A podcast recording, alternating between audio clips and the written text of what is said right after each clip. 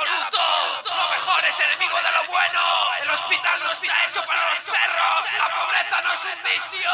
Nadie es perfecto. Las personas deshonestas odian la luz. Los niños no piden venir al mundo. Hay que comer para vivir. No se puede vivir sin dinero.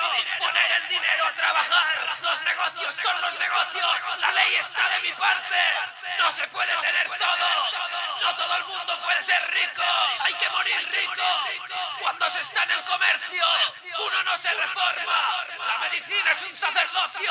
Todas las opiniones son respetables. Yo soy como Santo Tomás. Yo me lavo las manos como Pilatos. Predicar en el desierto como San Juan. Estar en las nubes. Ser como Dios manda. Ser práctico.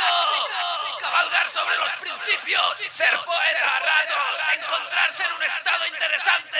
Uno tiene que ser de su siglo. No hay que ser más papista que el Papa. Todos los gustos están en la naturaleza. No todas las verdades son agradables de decir. Buscarle tres pies al gato. Todo tiene sus límites. Nada es bueno en exceso. Hay que bailar al son que tocan. Solo la verdad ofende. La ambición pierde a los grandes hombres. Hemos venido al mundo a divertirnos. Yo no soy ningún santo. Yo no aparento ser mejor de lo que soy. La palabra es plata, el silencio es oro. Tengo bien ganado el descanso. El dinero no hace la felicidad, pero recuperar su dinero. Todo el mundo tiene derecho a vivir. Todos los caminos llevan a Roma. París no se construyó en un día. La lluvia y el buen tiempo. La de la decencia. El honor de las familias. Las obligaciones de este mundo. El hábito es una segunda naturaleza. Donde hay molestias no hay placer. No hay placer sin pena. No se puede hacer una tortilla sin romper los huevos. No llevo suelto. Yo podría ser tu padre. Solo se muere una vez. Bienaventurado el que no sufre. Ha muerto sin darse cuenta. Se diría que duerme.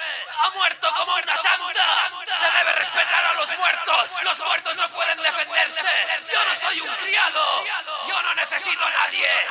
Las grandes penas son silenciosas. Quo vadis. Nadie puede dar lo que no tiene.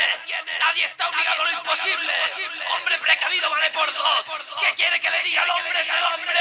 Con el cielo se puede llegar a un acuerdo. En el cielo nos reconoceremos. Los curas son hombres como los demás. Cada uno en su casa y Dios en la de todos. Quejarse de que la novia es demasiado hermosa. Matar el tiempo. Ser ocurrente. Asegurar el futuro a los hijos. Hacer honor a sus negocios. Hacer un agujero a la luna. Encender la vela por los dos extremos. Vender la piel del oso. Perder las ilusiones. Sufrir un martirio. Enterrarse en un monasterio. Buscarle pelos al huevo.